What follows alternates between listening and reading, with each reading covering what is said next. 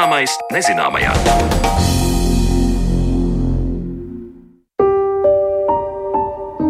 Apburtais lokus - vārdarbība ģimenē. Pēta un analizē Latvijas sabiedriskie mediji sadarbībā ar pētnieciskā žurnālistikas centru Rebaltika.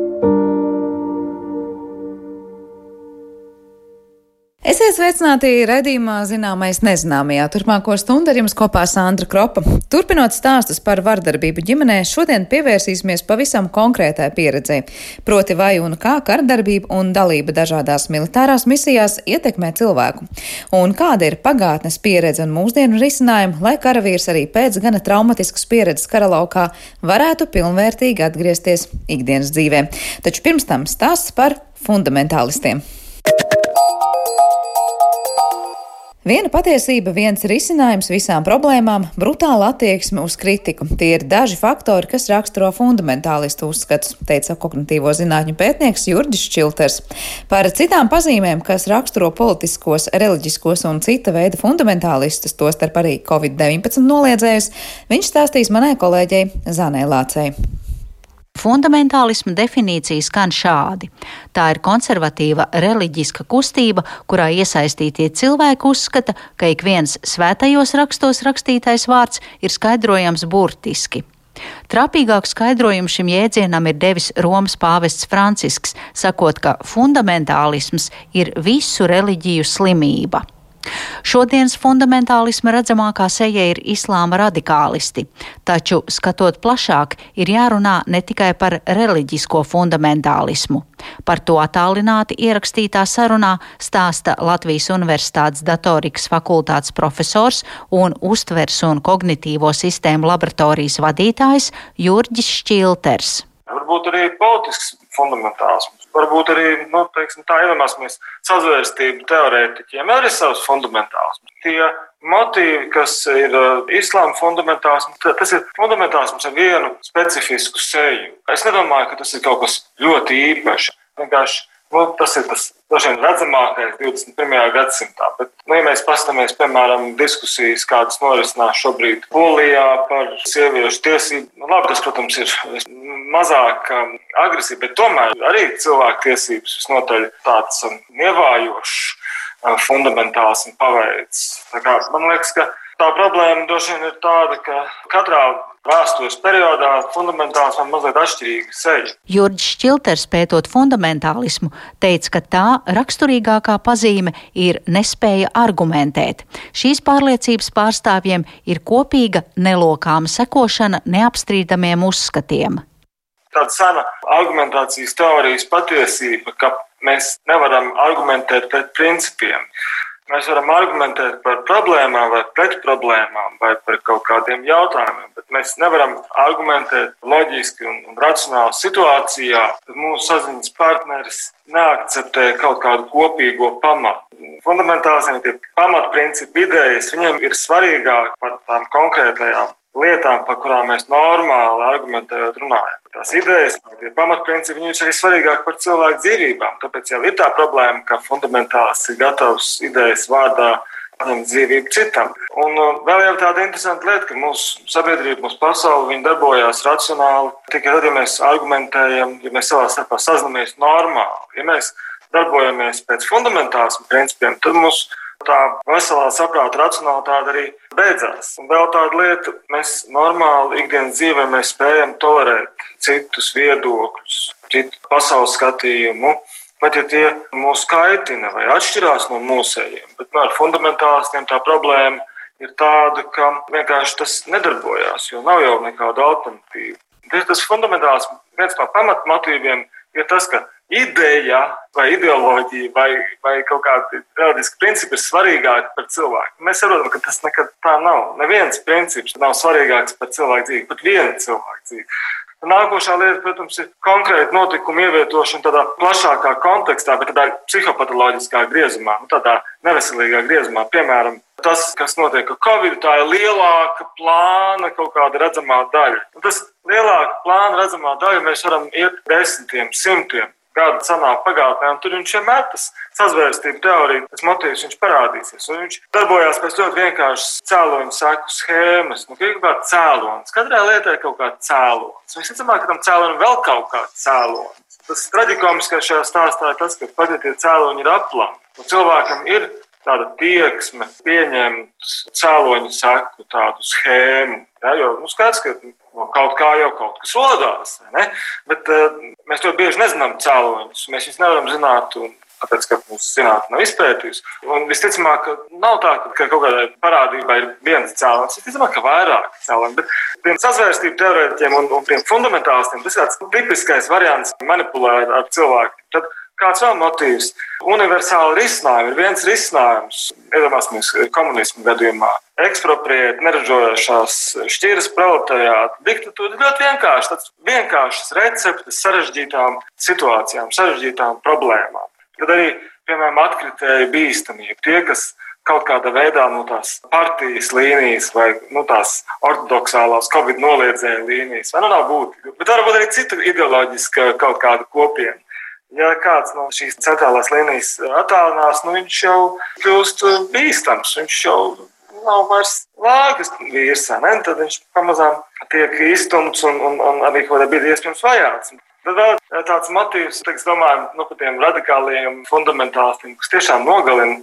Nu, viņiem ir tas princips, tāds ļoti liekulīgs princips, ka patiesība nav patiesība, terors nav terors. Jo ir kaut kādas attiecības īpašas, kuru vārdā ir iespējams nogalināt. Ja jūs fundamentālismu sakat, nu jā, bet nu, tad jau pret viņiem var vērst to. Nu, viņi taču nepiekritīs. Bet vienkārši tas arguments tāds, ka nē, nu, ir kaut kādas noteiktas patiesības, kuru dēļ var nogalināt. Ne, citas patiesības tādas nav. Cik ļoti bieži domāju, Latvijas Covid noliedzēja pulciņā parādās tā, nu, re, ka tie visi tās sazvērstības ķēde, kā viņi bajātos, nabaga patiesuma teicējs. Un, protams, ka viņi arī apelē pie auditorijas jūtām. Vēl aizliegums šaubīties, aizliegums apšaubīt to partijas līniju galvenie apsvērumi. Ja, mēs, teiksim, tagad runājam, mēs varam nu, relaksēt, apsvērt par un pret. Principā, sakot, tie fundamentālisti jau ļoti reti šaubās par kaut kādām savām pamatu pārliecībām.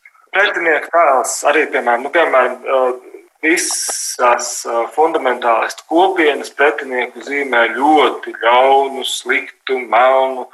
Un vispār tā fundamentālistu argumentācija ir ļoti melnbalta, ir labs, slikts. Tas jau nav nejauši, jo fundamentālistu tā strateģiskā komunikācija ir virzīta uz to, lai iesaistītu pēc vairāk cilvēciņu. Un, un, nu, tas pūlis, kas tiek pieslēgts, lielākoties tas ir tāds vienkāršs cilvēku pūlis, kuram ļoti viegli ir tad, ja viņi domā labs, slikts kategorijās. Arī tā teikt, humora izjūta attiecībā uz savu ideoloģiju fundamentālistiem ir sveša, un to spilgti apliecināja franču karikatūristu un žurnālistu nogalināšana saistībā ar pravieša Muhameda karikatūras publicēšanu žurnālā Charlie Hebdo teica Jurģis Šilters un turpina uzskaitīt, kādas tad vēl ir fundamentālistu pazīmes komunikācijā ar citiem. Vēl tāds aspekts ir kritika. Kā fundamentālistu kopienas attiecās pret kritiku? Ļoti brutāli. Kritika tas ir kaut kas tāds, kas mums nav jāņem vērā, jo ir īstā nozīme, ko saprot tikai tie, kas šajā grupā pietilpst. Un es domāju, ka viena no tādām, domāju, tāda asiņainā fundamentālismu pazīmēm ir uh, aizliegt pasmaidīt vai aizliegt smieties. Nu, faktiski tāda, tāda šausminoša nopietnības maska. Tas ir tas, ko mēs redzējām gadījumā ar Čāliju Hebdo. Nopietnības maska ir uh, tipiska fundamentālistu fanātiķu kopienās. Aizliegt smieties, aizliegt pasmaidīt arī ir ļoti tipisks tāds uh, fundamentālistu triks fundamentālistu tā atskaites sistēma, viņa tāda nu, ļoti perversa, es teiktu, tāda patoloģiska. Tieši tāpēc, ka viņiem jau nav, viņa arguments nav cilvēku dzīve, viņa arguments ir ideja. Ideja, nu, kāda patiesība šī vārda reliģiskā vai ideoloģiskā vai politiskā nozīmē.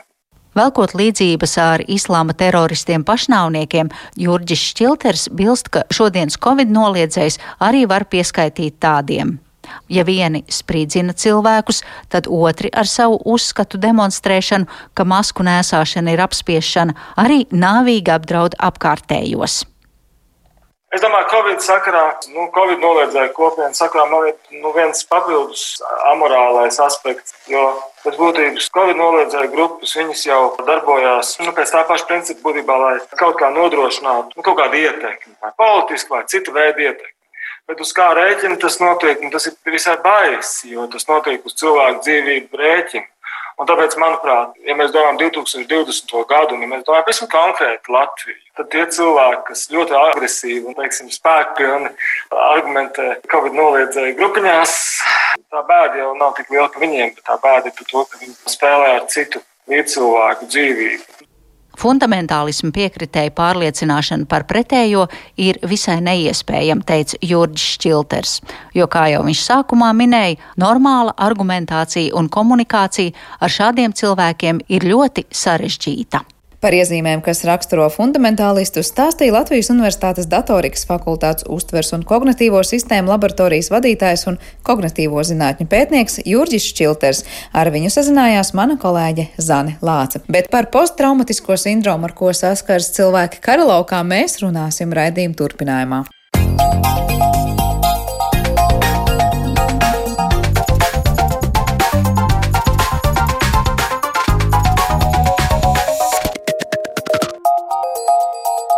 Zināmais nezināmajā.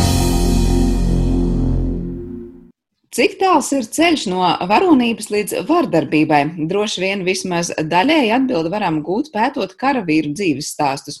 Kas notika ar karavīriem pēc Latvijas neatkarības cīņām? Vismaz tiesību sargājošie iestāžu arhīva vēsta, ka liela daļa no viņiem nostājās arī uz noziedzības takas. Vai un kā būšana par karavīru veicina vardarbību un ko mēs zinām par Latvijas karavīru spēju tikt pāri kara pieredzēm agrākos laikos un arī šodien? Par to visu mēs šodien runāsim mūsu atlikušajā šajā raidījuma sadaļā, kad attālināti studijā esam aicinājuši vēsturnieku un Latvijas okupācijas muzeja vēsturnieku Latvijas Nacionālās aizsardzības akadēmijas vecāko pētnieku Kārlu Dambīti un Rīgas Stradiņu universitātes profesoru psihiatrijas un narkoloģijas katedras docētāju, arī militārās medicīnas pētījumu un studiju centra vadošo pētnieku Māri Taubi. Labdien jums abiem! Labdien! Labdien. Eh, cik aktuāli un kurā laikā ir runāt par šo problēmu, proti, ka pēc būšanas eh, kara zonā vai kara darbībā eh, karavīri pēc tam, nu jā, varbūt var teikt, viņi ir ļoti, ļoti pakļauti šādām nu, kaut kādām psiholoģiski grūtām situācijām un kļūst vardarbīgāki dzīvē, atgriežoties pēc tam no šīm vietām. Vai tas ir, kā saka, stāsts par seniem laikiem, vai tas ir stāsts arī par mūsdienām? Sākšu būt Māra ar jums. Jā, es, eh, tā tēma ir šobrīd par vardarbību. Eh, man tā pētniecības joma vairāk ir par pašnāvībām, kas faktiski ir lielā mērā līdzīgs fenomens. Ja? Vai teiksim, mēs runājam par vardarbību kādiem citiem cilvēkiem, vai arī pašnāvība bieži tiek uztverta kā tāds nu, vardarbīgs akts pret sevi. Ja? Un, protams, eksistē noteikti, tā kā es esmu psihiatrs un vairāk interesē šīs te, nu, cilvēku psiholoģiskās un psihiatriskās problēmas. Uh, tad no, eksistē noteikti cilvēku, pat varētu teikt, personības struktūras, kas, kas, kas varbūt ir ieinteresēti militārā, militārā dienestā. Ja? Un, attiecīgi, arī izējot no tā, bieži vien ir gan varbūt problēmas, varbūt arī saslimšanas, kas nu, veicina, veicina šādas nu, vardarbīgas izpausmes pret sevi vai pret citiem. Ja? Un, nu, tas, tas Nu, ir tieši tādas ekstrēmas situācijas, protams, kā militārais dienas, kad no vienas puses cilvēks uz to tiecās, viņam patīk šī struktūra, no otras puses īpaši ekstremālās apstākļos, vai iesaistās kaut kādi citi apstākļi, arī sadzīviski apstākļi, arī, arī ārpus šī dienas apstākļi. Tas var, var radīt nu, noteikts apstākļus, ka kaut kādā veidā ir jārēģē un kaut kas jādara. Eh, bet pirms es dodu vārdu Kārlim, jūs tikko teicāt, ka tādi, kā teikt, nu, īpaši varbūt psiholoģiskie tipi, kas vispār pāriet militārajā dienestā un izvēlas šo, šo lietu. Nu, ir tā, ka, ir tā, ka katrs cilvēks nu, lielā mērā mūsu katram ir sava personība. Un ir arī um, tā personība veidojas pamatā no mūsu audzināšanas, no mūsu ģimenes, arī no dažādiem ģenētiskiem faktoriem vai kādām no kādiem arī citām veselības problēmām. Un tas izveido mūs kā cilvēkus. Var būt šīs personības pilnībā veselas, ja mēs esam pilnīgi Nu, Katra savām īpatnībām, varbūt nelielām. Bet var būt arī tā saucamās patoloģiskās personības, ja, ka tomēr nu, senos laikos teica psihopātijas, ka tomēr nu, cilvēkam ir kaut kāda vai nu lielāka tieksmes kaut kādām varonīgām darbībām, vai teiksim, tāds nu, maksimālisms, vai, vai tāda radikāla lēmuma pieņemšana, ka viņš saprot tikai, tikai labu, sliktu, baltu, melnu. Ja. Un, nu, bieži vien kādreiz ir arī tā, ka kādu šādu struktūrētu, šādu dienestu ir cilvēki, kas kam ir tendence iet ar noteiktiem personību tipiem. Ja, tāpēc arī viņi zināmā mērā ir arī nu, jātestē pirms šī militārā dienesta. Vai šis nav jau kaut kas par daudz, kas var, var izvērsties kādās problēmās, vai nav vēl kādas papildus psihiatriskas problēmas, depresija vai vēl kādas smagākas saslimšanas. Jā, nu, depresija viņam vienā brīdī var būt un var nebūt, vai ne? Tas arī vēl apgrūtinošs faktors, ka varbūt testējot cilvēku liekas, viss ir kārtībā, bet pēc gada viņam ir depresija. Nu, redziet, te, te tas arī tāpēc, nu, ja tas mans pētījumu, mana tā pētniecības joma saistīta ar, ar, ar, ar NATO pētniecības struktūrām. Un, un tur, protams, ne tikai Latvijā, bet visur arī NATO dalībvalstīs un visur pasaulē ir problēmas ar, nu, tieši ar šīm pašnāvībām, piemēram, ja, kas ir tieši saistīta ar depresiju. Un, un, un, un nu, gribot, negribot, protams, šie cilvēki ir šajā militārā dienestā. Viņi varbūt ir ļoti labi apmācīti, viņi ir ļoti noderīgi un vajadzīgi. Un vienā brīdī, dažādu apstākļu dēļ, ja, gan iekšēji, gan teiksim, šī militāro konfliktu, gan dienesta struktūras, gan arī mājas kāda apstākļa, sadzīves, personisku apstākļu dēļ, nu, cilvēks nonāk līdz tādām sajūtām. Un tad ir jautājums, kā mēs to paredzēt, kā nodrošināt drošību pašam cilvēkam kā nodrošināt drošību apkārtējiem, ja, jo šeit ir saistīta tomēr ar ieročiem, un, un, un, un šīs pašnāvības var veikties. Mēs bieži dzirdējuši arī šīs paplašinātās pašnāvības, kad cilvēks nogalina vairākas dienas biedrus, piemēram. Ja, tā kā, nu, tā ir jautājums, pat teiksim tā, viņš pat nav Latvija, varbūt nav pirmajā vietā šī problēmā, ja, bet ir citas valsts, kā Amerikas Savienotās valsts, kur tā problēma ir vēl sāsinātāka. Ja. Un tāpēc Tas, ko jūs precīzi jautājat, mēs meklējam tos risinājumus, meklējam tās darbības, tās nelielos soļus, kādā veidā pamanīt, kādā veidā palīdzēt, kādā veidā militāriem līderiem reaģēt. Ja? Un situācijas, nu, es veicu arī šeit Latvijā intervijas ar mūsu speciālistiem. Tās situācijas ir ļoti sarežģītas un galīgi, galīgi nav vienkāršas. Ja? Tā, lai tas būtu viens, teiksim, tikai balts vai melns, mēs cilvēku izslēdzam, vai mēs cilvēku, viņš ir labs vai slikts, tā, tā nav. Ja? Tas katrs ir resurss. Un, Un mums ir jādomā, kā tikt galā ar to. Jā, paldies, Kārlis. Es pieņemu, ka ir ko teikt, varbūt tādā laika vienībā skatoties, vai aktualitāti var teikt. Nu, es tikko Mārī klausoties, liekas, dzirdēju, nu jā, tas ir aktuāli arī mūsdienās. Vai vēsturnieks skatoties uz šīm uh, problēmām, var teikt, nē, citos laikos bija izteiktāk?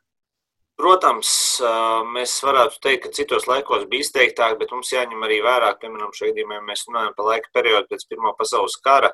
Tad karā iesaistīto personu skaits viennozīmīgi bija ievērojami lielāks teiksim, nekā mūsdienās no Nacionālo bruņoto spēku esošo un arī veterānu skaits.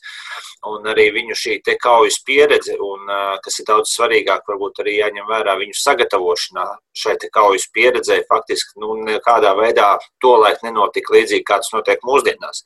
Tajā laikā, piemēram, 1900. 15. 16. gads, tāpat tās arī Latvijas neatkarības kara laiks, faktiski karavīrs tajā brīdī, kad viņš tiek iesaukts bruņotajos spēkos, Uh, viņš, nu, nu, nu šis te aspekts faktiski netiek nekādā veidā skatīts. Un uh, gala rezultātā tajā brīdī, kad viņš atgriežas pēc šī kara mājās, protams, uh, nu, tas ir atkarīgs, protams, no katra cilvēka pašām individuālajām spējām, teiksim, tikt pāri šiem te kara piedzīvojumiem. Un to arī parāda šie notikumi pēc Pirmā pasaules kara, kad arī Latvijā nāks sastapties ar bijušo karavīru veterānu, bieži vien pat ļoti augstu apbalvotu veterānu dažādām nu, destruktīvām izpausmēm. Šī, šis pats alkoholisms, narkomānija, un, protams, tas arī bieži vien izvēršas arī plašāk, kā kā, kā, kā vardarbība pret saviem līdzcilvēkiem, pret saviem tuviniekiem. Es eh, gatavojoties šim raidījumam, paskatījos, vai vispār par Pirmo pasaules karu šādā veidā nu, pētījumi par šo te, nu, vardarbību mājās vispār ir ir veikta. Patiesībā nemaz tik daudz nav, jo tā ir ļoti sarežģīta tēma, jo tur jau nav tādu tiešu nu, izmērāmu, teiksim, nu, nu, nav dati, kas vākti tajā laikā. Šit. Un te jāņem arī vērā teiksim, mūsdienu attieksme pret daudziem jautājumiem, kā mēs mūsdienās skatāmies un kā teiksim, 20. un 30. skatījās. Nu, publika skatījās to visu, un, un, un rezultātā tas, kas varbūt mums mūsdienās pat varbūt šķiet, ka ir, ir, ir galēji nepieņemams, sabiedrība akceptēja to līdz zināmam mēram šajos 20. un 30. gados, jo sabiedrības izpratne par uh, vērtībām, par, par, par šo sabiedrības funkcionēšanu bija daudz atšķirīga un nu, mūsdienu viedokļu skatoties pat skarbāka. Un atgriežoties pie tā, vai nu, teiksim, ir šādi pētījumi, Tad uh, Austrālijā ir tāds interesants pētījums, uh, tāda Elizabete Nelsone. Uh, viņa ir uh, pētījusi tieši uh, šo te uh, vardarbību mājās Pirmā pasaules kara uh, kontekstā vienā konkrētā Viktorijas štatā. Un tas secinājums, kas tur uh, faktiski uh, nu, tiek izdarīts, lielā mērā ir tas, ka uh, īsti nevarētu vainot, ka karš ir teiksim, radījis uh, daudz lielāku šo te vardarbības nu, pieaugumu, bet karš viennozīmīgi bijis kā katalizators. Tas, ko, tas, ko jūs minējāt par Pirmo pasaules karu un to, kas bija vai nebija pieņemams tā laika sabiedrībai, ir kāds piemērs, nu, kas ir no tā, ko mēs šodien noteikti vairs nepieņemtu, bet tolaik tas skaitījās tīri pieņemami. Nu, piemēram, tas pats, kad ģimenes galva ir vīrietis, un vīrietim arī ir uh, galvenais, galvenais noteicošais vārds ģimenē. Uh, situācija jau pēc Pirmā pasaules kara, arī kāpēc šādas konflikta situācijas, kas faktiski arī veidojas, bija uh, veidojās nu, komplekss, jo mēs bieži vien skatāmies uz, uz, uz šo laika periodu, kad, kad, kad nu, vīrietis tiek iesaukts no ģimenes, viņš aiziet armijā, pēc tam viņš atgriežas, viņš it kā iesaistās atpakaļ jau, jau, jau teiksim, ģimenes dzīvē un arī saimniecībā un visur pārējā tātad, nu, normālā funkcionējošā, funkcionējošā nu, teiksim, sociumā, sabiedrības organismā. Bet pēc Pirmā pasaules kara bieži vien, ņemot vērā, ka ir šīs gan fiziskās, gan morālās traumas, mēs esam pieņēmuši mūsdienās, ka, teiksim, nu, Pirmais pasaules karš izmainīja sabiedrību, jo sievietēm nu, sāk strādāt rūpnīcās vairāk, viņām teiksim, plašākas teiksim, šīs te, izteiksmes tiesības, balsošanas tiesības daudz vietā pasaulē arī parādījās. Un kad pēc kara tas viss kā beidzās, un tas varbūt radīja šo te, zināmā mērā, sabiedrības konfliktu, nu, eskalāciju kaut kādos brīžos. Bet uh, vēl viens no tiem secinājumiem, kas ir, kad ļoti bieži vien šie karavīri, veterāni, kas atgriezās mājās, viņi faktiski jau nebija vairs pilnvērtīgi tādā veidā sabiedrības locekļi, nu, viņi bija uzturami. Un uh, tas radīja vēl varbūt lielāku šo spriedzi uh, starp šiem diviem cilvēkiem, kas, kas, kas, kas, kas nu, ir nonākuši situācijā, kad viņiem būtu jāsāk tā kā atgūties, bet viņi to vienkārši nespēja. Jo karš ir beidzies pēc, pēc papīriem starp valstīm, bet karš nav beidzies šajā te mājas frontē. Par tiem cilvēkiem, kas pēc kara varbūt tik ļoti nemaz nevarēja atgriezties tajās ierastās dzīves gaitās, vai tas ir tāpēc, ka tā bija kāda invaliditāte fiziska, vai tas ir tāpēc, ka te ir psiholoģiski sagrauti cilvēki, kas nespēja vai nemāk vairs patiesībā dzīvot normāli sabiedrībā? Problēma mūsdienās, nu, teiksim, mūsdienās bieži vien tas tiek, nu, teiksim, aplūkots caur šo te posttraumatiskā stresa sindromu. Bet faktiski pēc Pirmā pasaules kara tāda, tāda sindroma vēl nebija. Viņš vienkārši nebija, nebija, nebija, nebija nonākuši līdz tādam secinājumam, kad veidojas tāds. Un tad tas bieži vien tika norakstīts, zināmā mērā tā var izteikties, uz tā saucamo shell šoku, šāviņu šoks, kas faktiski parādījās apzīmējums arī 1915. gadā, ja nemaldos, doktors Čārlis Meijers pirmo reizi Lielbritānijā pielietoja šādu apzīmējumu, aprakstot tos cilvēkus, kas ir teiksim, iznākuši ārā no tātad, artilērijas apšaudes zonas, un faktiski viņi, viņiem ir smagi fiziski un bieži vien arī neiroloģiski bojājumi. Tas, protams, ietver arī kaut kādā veidā psiholoģi, psih, psiholoģiskus, psihiatriskus nu, novirzes no normas. Un, viena lieta, protams, ir šie te fiziskie kara invalīdi, bet otra lieta ir tātad šie te, kas, kas, kas faktiski nav, nav, nav, nu, nav izmērāma, teiksim, šī te, nu, karavīra nu, psihiskā uh, pieskaitāmība, ja tā var teikt, vai bijušā karavīra. Protams, to darīja. Tas bija ārstu komisijas, kas, teiksim, izvērtēja, vai šis cilvēks ir uh, ir, ir, ir, ir pieskaitāms vai nav pieskaitāms, un vai tās ir kara sekas vai tās nav kara sekas. Uh, bet nu, pēc, pēc, pēc, pēc, pēc kara jā, nu, faktiski palielinājās to cilvēku skaits, kuri, kuri, kuri bija šajā te šaubīgajā daļā, vai pat, pat nonāca psihiatriskajās slimnīcās regulāri.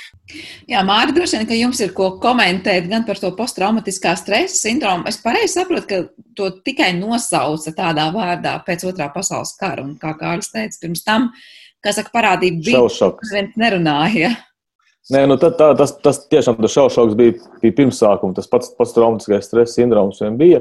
Un, protams, ka pamanīja cilvēkus, kuriem ir tiešām ar rupjām neiroloģiskām parādībām, un kurām nevarēja atrast tādu teiksim, objektīvu un teiksim, organisku cēloni, ka tur tiešām būtu teiksim, galvas trauma vai kaut kāds nervu bojājums. Ja? Un, protams, tas bija saistīts ar šo psiholoģisko šo fenomenu, šo posttraumatisko stresa sindromu. Kārlis ļoti labi pieskārās arī tai veterānu tēmai, ja, ko es nepieminēju, kas ir, kas ir ļoti, ļoti nopietns arī jautājums. Ja. Un te mēs varam teikt, gan, tas, gan, gan veterāni kā tādi, kas ir, kas ir pēc tam jau, kur tiešām ir, ir, ir problēmas, gan arī pēc kaut kādām būšanas militārajās zonās.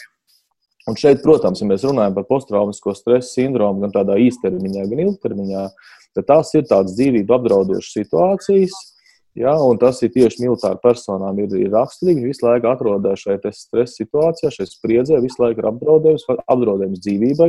Tas ir nopietns. Tas nav tā, kā mēs vienkārši sakām, ikdienā man ir posttraumatiskais stresa sindroms. Tas tiešām ir saistīts ar nezinu, Izraēlas militāro policiju vai, vai, vai tādām nopietnām, vai teiksim, tiešām, tiešām aktuālām situācijām, katastrofām, dabas katastrofām un arī militāro dienas. Un, protams, tas cilvēks atrodas tādā spriedzes situācijā kaut kādu, kaut kādu laiku. Ja? Izolācijā, visu laiku militārā režīmā, un, protams, pēc tam atgriežoties, ir šīs viņa nu, dabīgās reakcijas, aizsardzības mehānismi, viņš izlādējās. Tāpēc arī faktiski no kāļa teiktā nekas jau tā globāli nav mainījies. Ir mainījies tas, ka mēs to varam nosaukt vārdos, ka mēs mēģinām kaut ko darīt. Ja, pieņemsim, uz misijām brauc, brauc pie mūsu militāru personām, brauc kapelāni, brauc medicīnas darbinieki, brauc psihologi, lai strādātu ar viņiem, lai sagatavotos atgriešanām. Šeit tās tehnoloģijas, nu, arī to mēs skatījāmies, kādas dažādās valstīs notiek, tas, tas virzās uz priekšu, lai mazinātu. Bet joprojām, joprojām ir tā, ka cilvēki atgriežas, tad ir šī izlāde, alkohola lietošana, azartspēles, faktiski ļoti nu, būtiskie faktori, kas, kas, kas ļoti ietekmē. Ja cilvēki nospēlē visas naudas, pēc tam viņi kaunās to teikt. Tikpat labi ir, ir dažādas arī ģimenes attiecībās virkni problēmas, ka cilvēks arī, teiksim, ir kaut kādas nu, neusticības, ja tīri pat, pat nevis, teiksim, tādu attiecību jomā, bet tas ir tāds kā tāda izlāde, kā kaut kāda piedzīvojuma meklēšana. Ja. Un tas pats attiecās arī uz cilvēkiem. Un, un tas traumatiskais izpaužās ar to, ka, jā, ka es man visu laiku ir šī spriedzes sajūta, var sākt, sākt norobežoties, man ir šis apdraudējums sajūta, man ir šie te flashback saucamie, ja, es viņam, es nezinu, tramvajas sliedas noklāpu, man liekas, ka tur ir šāviņš, ja es jau izvairos. Sākās izvairīšanās, sākās alkoholizācija, ja, sāks tāpat varbūt depresija, pat līdz pašnāvībām. Ja, un cilvēki šādā veidā dzīvo. Un, teiksim tā, ja ar militāru personām teiksim, rūpīgi strādā, piemēram, brauc pie viņiem uz šīm misijām, pēc tam ir rehabilitācijas iespējas, ja, arī šī sagatavošana, novērtēšana, tad, teiksim, vislielākā faktiski problēma, liela problēma ir tieši veterāni, ja, kur bieži vien mēs, teiksim, faktiski, un arī tas ir Amerikas Savienotās valstīs, tur vairāk strādā ar veterāniem, milzīgām veterāniem, speciāla administrācija, speciāla medicīna veterāniem, ja, jo tie ir ļoti, ļoti būtiski cilvēki. Pirmkārt, viņu veselība, Otrakārt, arī viņu tas, tas resurss, ja, teiksim, iedomājieties kaut kāds cilvēks, kas ir bijis, nezinu, labs eh, sapieris vai, vai zina par munīcijām, un tagad viņš ir šajā situācijā, ja, varbūt viņam ir posttraumas, varbūt viņam vienkārši pietrūk šīs spriedzes, ja, arī viņa, viņa personīgi prasa to. Un tas ir ļoti viegls ceļš, kā tas cilvēks var, vai, teiksim, labāk, ka viņš lieto alkoholu vai tur, tur tas ir psihiatriskas veselības problēmas, otrs gājiens, ka viņš sāk virzīties kaut kādās kriminālās situācijās, ja viņš iesaistās, ja, un tas ir ļoti, ļoti bīstami. Un to arī valsts strādā, lai šos cilvēkus iesaistītu. Vai tas ir apmācībās, vai pedagoģijās, vai, teiksim, ir dažādās organizācijās. Ja. Amerikas Savienotās valstīs neviens, teiksim, nu, labs speciālists, militāra persona, viņš nepaliek bez tādas, nu, viņi kaut kur mēģina iesaistīt. Ja. Nu, un, un, un tas, tas, tas ir tas arī, pie kā droši vien arī nu, mums ir Latvija, arī ir Afganistānas veterāni. Ja, mums ir dažādas pat veterānu tās kopas ar dažādām pat tādām interesēm, ja, kur noteikti, noteikti nu, mēs daudz ko nezinām. Mēs pat nezinām par viņu veselību, nu, kur vēl ļoti daudz ko ir ko strādāt. Ja. Tāpēc Kāls ļoti labi pieskarās veterāniem tieši. Tas, ko jūs tikko minējāt par to, ka brauc uh, medicīnas darbinieki, brauc psihologi strādāt ar šiem cilvēkiem, uz šīm vietām, Kā ir tas, nu, kā tas darbs notiek, ko viņiem var tajā brīdī palīdzēt, kā, lai tiešām viņi nenonāk līdz tām izmaiņām neiroloģiskajām smadzenēs? Jā, nu, tas, ir, tas ir labs jautājums. Protams, ko, ko dara. Mēs arī mēģinājām skatīties, ko dažādās. Nu, tas bija mums arī NATO ietvaros. Tur, nu, ļoti daudz valsts iesaistījās, jo tā problēma ir aktuāla. Mēģinājām skatīties, ko nu kura valsts dara, ja, kā nu kurā, kurā ko var darīt. Ja, Latvija, protams, arī dara un dara tīri, tīri labi. Teikt, ka ir kaut kāds tāds universāls viens risinājums, protams, nav. Ļoti atkarīgs no paša cilvēka. Bet, protams, protams, gan tāpēc arī brauc, teiksim, kapelāns, varbūt kādam cilvēkam vairāk ir šī joma tuvāk, jā, brauc psihologs. Ir jautājums par to, kas, teiksim, notiek mājās, ir zināms saikni ar šiem, te, ar šiem mājas cilvēkiem, kuri, e, nu, kas notiks, kad es atgriezīšos, ja ir šī ne, ne, nestabilitāte, šī sajūta. Ja. Ļoti liela nozīme, pat es teiktu tā, ka mazāk varbūt ir šī, šī aizbraukšanas, tā kā tāda zināma saikne, ja, un, teiksim, saikne ar Latviju vai, vai to valsts, no kuras ir šie militārie spēki. Eh, bet daudz lielāka nozīme faktiski tai struktūrai iekšā. Tāpēc mēs tieši strādājam arī ar šiem te, nu, mēģinām atrast tos ieteikumus tieši šiem militāriem līderiem, ja, kā to reaģēt. Un te arī tās pieredzes ļoti atšķirīgas. Ja. Vai, teiksim, ASV tas ir ļoti stingra tāda disciplīna, cilvēks nedrīkst būt vājš, kas, kas reizēm varbūt ir pārspīlēts. Ja. Varbūt, teiksim, Vācijas militāros dienestos ir vairāk šāda badīja sistēma, ja, ka, teiksim, šis te klīniskais psihologs, viņš tur ir uz vietas faktiski visu laiku, ja. viņš ir gandrīz kā militāra persona Viņš, teiksim, viņš teiksim, ar šiem cilvēkiem varbūt neformāli parunājās kādā brīdī, ja, lai uztaustītu, vai tas ir militārais biedrs, kurš uztausta šo teikt, cilvēku, un pēkšņi ir teiksim, varbūt kaut kādas sliktas ziņas no mājām. Varbūt viņam sākās jau kaut kādas pašnāvības domas, ja, teiksim, vai kaut kāda no, nomāktība. Ja. Tad ir jautājums, kā to pamanīt, un tad ir nākamais nopietnais jautājums, kā reaģēt uz to. Ja? Lai tā, lai tā nebūtu, tomēr tās ir militāri, tie, tie ir spēcīgi vīri, kuri ir gatavojušies, kuri arī nu, zināmā mērā tas iedragā viņa pašapziņu. Ja man tagad pateiks, nē, nu, tagad man draugs teica, ka tu tur, tur nomāks, un tagad mēs to sūtām apmēram mājās. Ja? Tie ļoti, ļoti, tas var izrādīties vēl sliktāk pēc tam tam cilvēkam. Tā ir visu viņa karjeru un dzīve. Kā, nu, man, man nav tādas vien, viennozīmīgas atbildes, bet, protams, gan šī brauciena, gan, teiksim, gatavošanās pirms tam, ir tie brīfingi saucamie, ja, ka, teiksim, sanāk kopā izrunā šīs situācijas, ja, gan, teiksim, gatavošanās atpakaļ braukšanai, gan pēc tam rehabilitācija kopā ar ģimeni. Nu, ir pietiekami laba šī struktūra. Es teiktu, ka, teiksim, ja mēs par Latviju runātu, tad vairāk ir riskantāk, vairāk ir tiešām veterāni, pēcdienesta, vairāk civilie faktori, ja, azartspēles, alkohols. Ja. Tas tie, tie pat būtu vairāk riskanti šeit uz vietas nekā tieši tas militārais tas posms, teiksim, uh, nu, misijā.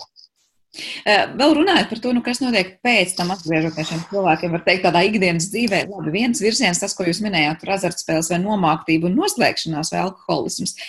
Bet varbūt paturpinot nedaudz to tēmu, ko jūs ieskicējāt, kad ir tā vardarbīgā, nu, nezinu, var teikt, nosliece vienkārši meklēt konfliktus vai būt tam, kas iet un, es nezinu, sit vai nogalina tikai tāpat vien, jo viņš to ir pieredzējis pirms tam.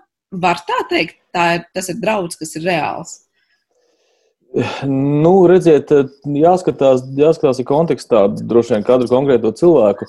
Bet, protams, ka tajā brīdī, kad teiksim, es esmu tagad bijis tādā spriedzes situācijā visu laiku, ja, un es tagad esmu atgriezies. Ja? Tad atkarībā no atkal tās manas tās personības, kas nu nav tik vienkārši. Tā, tā personība, es saku, no vienas puses viņai ir jābūt drusku tendētai uz tādu varonību, uz tādu rīcību, jau uz tādu aktīvu. Tur atkal cits personības tips varbūt nederēs militāram dienestam. Bet no otras puses ir kaut kāda riska, ka es arī gribu būt labākais, es gribu būt tur noteicējis, jā, varbūt es atbraucu mājās, es tagad aizēju, nezinu, ar kur skrogu, es tur iedzeru kā man tas alkohols uz mani reaģē, varbūt es iesaistos kaut kādā konfliktā. Es teikšu tā, ka drīzāk risks ir tiešām, nu, arī kā Kārlis teica, pēc tā pirmā pasaules, ka ir kaut kādi riski, kad es varu kādu, var kādu cilvēks ar kādu piekaut vienkārši nezinot vai risināt to konfliktu, ka viņam nebūs šīs bremzes. Ja? Es nedomāju, ka viņš tā mērķiecīgi, nu, tomēr tie ir profesionāli gatavoti cilvēki, profesionāla armija ka viņi metīsies, teiksim, tur nu, speciāli kādu galināt tikai prieka pēc. Ja? Nu, tā, tā diez, vai, diez vai ka būs, bet, bet ne, ne tīši tiksim, izprovocēt šo cilvēku, iespējams, ka var. Ja? Un, un tas arī notiek. Mēs redzam, kas notiek. Pieņemsim, bieži vien parādās informācija arī par šiem uh, citu valstu militāriem spēkiem Latvijā, ja? kad, kad ir, ir, ir konflikts situācijas, ja? kad vietējie iedzīvotāji tur nezinu, piekauja kādus Lietuvas. Ehm, bet ne jau, arī, ne jau tas notiek vienkārši tā, ka viņš šos cilvēkus no, no, no, no, notvarsta un piekauj. Tur droši vien ir apusēs kaut kāds konflikts, ja? neliela iedzeršana, kaut kādas bravūrības. Ja? Nu, kas, kas, kas ir risks? Es piekrītu, ka tas, tas ir risks. Jā. Kārli droši vien ir ko piebilst par tikko dzirdēto un kā ar tām dažādiem varbūt gadījumiem vēsturē, kad mēs skatāmies vienā brīdī to, um, nezinu, traktē kā varonību, vai, nu jā, cilvēks nāca pēc kara ar savām pārliecībām un ideoloģijām, un viņam piedeva kaut kādas, varbūt, vardarbīgas darbības, kas patiesībā bija tas, par ko Mārs tikko stāstīja. Uh, Nu, jā, pēc Pirmā pasaules kara un pēc Latvijas neatkarības kara tie cilvēki, kas atgriezās, atgriezās nu, savā ikdienas dzīvē, nu, lielākoties viņus, protams, protams mājās nu, jādomā, ka sagaidīja kā varoņus. Un atsevišķos gadījumos, teiksim, zinot viņu šo Pirmā pasaules kara pieredzi, vai kas ir stāstīta, vai ko arī tie, tie blakus cilvēki bija dzirdējuši no viņa paša, vai, vai, vai nu, nu, šobrīd mūsdienās to tā grūti varbūt, varbūt tieši nošķirt, jo daudzos gadījumos lietas, kas varbūt tika, nu, ja tā maigi izskoties, sastrādātas, ņemot vērā kaut kā 20. un 30. gados par daudziem gadījumiem, daudziem gadījumiem rakstīja, ka nu, tur, tur, tur vīrietis vai sieviete sastrādājuši kaut kādas nekārtības. Nu, tā, ma mazinot varbūt šo te patiesībā šo, šo, šo nodarījumu, varbūt nozīmi, nu, viņš, nu, nu, protams, ar to rēķinājās kaut kādā veidā. Bet vai spēja ar to tikt galā? Nu, armijā, jā, armijā bija mācītāji. Tas, tas bija tas, ko, ko varbūt varēja izdarīt. Un lielā mērā lielā nozīme, lielā, liel, lielā mērā teiksim, pašā, teiksim, pašos bruņotajos spēkos tā karavīru psihiskā sagatavošana var, vairāk varbūt bija aizstāta tādu terminu, kas saucās karavīra audzināšana, kur viņam nu, mēģināja teiksim, ielikt tās vērtības, par kurām viņš cīnās, nu, cerot, ka tādā veidā viņš arī tiks nu, motivēts un, un, un, un nu, nu, kādā veidā saturēs viņa šo domu gaitu kaut kādā noteiktā, noteiktā virzienā.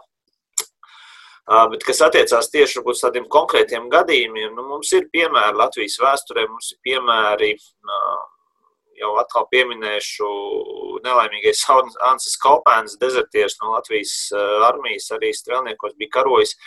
Nu, viņa šī, te, piemēram, aiziešana pa, pa noziedzības ceļu Tāpatās ir, ir, ir, ir, ir, ir, ir arī skumji gadījumi, kur, piemēram, viens Latvijas kara ordeņa kavalieris, uh, maldos uzvārds viņam Zēbergs bija, kurš arī faktiski savu dzīvi beidza psihoneuroloģiskajā klinikā, nu, jo viņš faktiski šo te nu, kara piedzīvojumu dēļ pastiprināti lietoja narkotikās vielas, alkoholu. Mums ir piemērs Bet tas arī tas jāskatās tā laika sabiedrība, varbūt kopumā, jo tie cilvēki, kas īsi pēc kara bija, piemēram, arī sasniedz savu šo te nu, pilngadību un tika arī iesaukti, teiksim, bruņotajos spēkos, nu, viņi jau nu, mācījās no, to, no, to, ko, no tā, ko viņi bija redzējuši. Ja viņi bija redzējuši savā bērnībā faktiski šo te karu, šo te visatļautību daudzos momentos. Tas, piemēram, tas pats tā saucamais komiskais, zināmā mērā, oliņu dumpis Valmierā, kur, kur, kur, kur viens no 8. Daugavpils kājnieku pulku virsniekiem arī iedzeršanas laikā, pēc iedzeršanas laikā bija, bija, bija izdomājis, ka jāgāž pastāvošā valsts iekārta un bija mēģinājis savu vienību sagrābt, sagrābt pastu telegrāfu staciju un, un, un, un tiltus. Nu, šādi gadījumi ir daudz no viņiem, ir vai nu, nu skaļākie, skaļākie, jā, protams, tas, tas, tas, tas, tas kaupēnu gadījums, soliņu dumpis, atsevišķie šie te uh, virsnieku un karavīru veterānu, teiksim, uh, nelaimīgās dzīves pēc kara. Uh, tie ir tie skaļākie gadījumi. Nu, es arī gatavoties raidījumam, tā mēģināju paskatīties, kas ir. Nu, presē tajā laikā ļoti daudz un brīvi par daudzām lietām rakstīja. Uh, tie noziegumu noziegumi kā tādi, bieži vien arī, kas ir ģimenes noziegumi, teiksim, 20, 30 gados, nu, viņi grūti pateikt, vai tie ir varbūt izsaukti, varbūt kā kara sekas, uzreiz pēc kara es tieši runāju, vai, vai tie ir, kā teiksim, tas kopējais sabiedrības, uh, sabiedrības, nu, ietekmētās sabiedrības sekas, un kas kaut kādā veidā varbūt ir, um, nu, karš ir mudinājis teiksim, nu, tās, tās, tās, tās izpausmes kaut kādā veidā brīvāk izrādīt, ja tā drīkst izteikties. Uh, nu, viennozīmīgi tā sabiedrība pēc Pirmā pasaules kara bija traumēta, un, un tas varbūt kaut kādā veidā neļauj īpaši izcelt tieši veterānus, kas, kas atnāca no Pirmā pasaules kara, mm, jo, jo visa tā sabiedrība kopumā vairāk vai mazāk, kā jau minēju, bija tendēta uz tādu uh, nu, pašaizsardzības refleksu izrādīšanu, kā rezultātā arī, varbūt, lai cik tas absurdi izklausītos, tad arī noziedzības līmenis uh, bija būtiski augstāks, un līdz ar to varbūt pat noziedzība, kuru bieži vien varbūt, kas, kas neieiet uh, pat nekādā likuma rāmjos, uh, huligānisms un daudz kas cits, uh, ko, ko dažreiz uh, mīļi mēdz dēvēt par nebēdnībām, daudz kur, teiksim, atmiņās rakstīts ir, nu, tas viennozīmīgi bija atstājis šo te ietekmi uz sabiedrību kopumā, un es domāju, ka nu, uz 30. gadu otro pusi jau faktiski pakāpeniski jau tā situācija, ja, kaut kādā veidā nu, sāka pakāpeniski uzlaboties. Tā kā nu, no mūsdienu viedokļa tiešām ļoti sarežģīti to tā izvērtēt, jo nu, nav tādu tieši šim te nu, tādai tēmai veltītu pētījumu. Ir, ir, ir, piesk, ir, vairāk, ir vairāk vēsturnieki, tas pats Eriks Jākapsons pieskāries šai tēmai, Inna Gīla ir pieskārusies šai tēmai par, par, par šo te karavīru faktiski destruktīvo rīcību jau pēc tam, kad karš ir beidzies. Faktiski tas jau ir lielā mērā tādas nu, cilvēciskas traģēdijas. Un, Un, un, un, ja mēs runājam, piemēram, arī par kaut kādiem nu, tādiem gadījumiem ģimenēs, tie paši Latvijas karodeņu kavalieru attiecības ar saviem radiniekiem, uh, pamatojoties par viņu tātad šo te varonību kaujas laukā, nu, tās nav lietas, kuras uh, bieži varbūt tika un arī tiek atklāti runātas, tas vairāk ir nu, tiešām tādā baumu līmenī, līdz ar to tāds, nu, piemērojams, eh, nu, lai to varētu teiksim, izmantot kā tādu pamatojumu, lai iegūtu kaut kādu nu, zinātnisku apstiprinājumu. Jā, eh, karavīri pēc Pirmā pasaules kara bija vardarbīgāki eh, nekā viņi būtu bijuši bez šī kara. Nu, tas nav tik viegli izmērāms, tāpēc, tāpēc ir tāds, tas, ko es arī jau iepriekš minēju, tas Austrālijas piemērs zināmā mērā parāda, ka uh, Karš viennozīmīgi katalizators, bet karš varbūt nav radījis nu, lielāku šo te nu, noziedzības, nezinu. Nu, nekā, nekā vispār sabiedrībā ir vienkārši karš to visu ir daudz vairāk parādījis uz āru. Jā, nu skaidrs ir viens, ka ne tikai vēsturnieki pievērš šiem pētījumiem, bet arī militārās medicīnas speciālisti, arī psihiatrijas speciālisti un darāmā, cik es noprotu, tur ir ļoti, ļoti daudz un pats galvenais arī ne tikai pētīt par to, kā ir bijis un saprast cēloņu un ceku kaut kādas kopsakarības, bet arī, ko Mārs jau minēja, kā novērst, lai pēc tā, kā šodien, piemēram, cilvēki dodas militārajās misijās, viņi neatgrieztos, varbūt ar tik izteikti šo posttraumatiskā stresa sindromu. Liels jums abiem paldies! Teikšu, protams, ka vēl ir jautājumi, kas nav izrunāti, bet tos, tad, protams, varam atstāt arī raidījumiem kādā citā reizē. Latvijas okupācijas muzeja vēsturnieks un Latvijas Nacionālās aizsardzības akadēmijas vadošais pētnie, vecākais pētnieks Kārlis Dambīts arī Rīgas Tradiņu universitātes profesors un psihiatrijas un narkoloģijas katrs docētais militārās medicīnas pētījuma un studiju centra vadošais pētnieks Māris Tauba šodien pie mums viesojās attālinātajā studijā, un par to arī teikšu paldies mūsu raidījuma producentei Sarmītei Kolātei, kā arī mūzikas redaktoram Girtam Bišam, kas parūpējās par mūziku šai stundai. Mēs tiekamies jau pavisam drīz. Visu labu!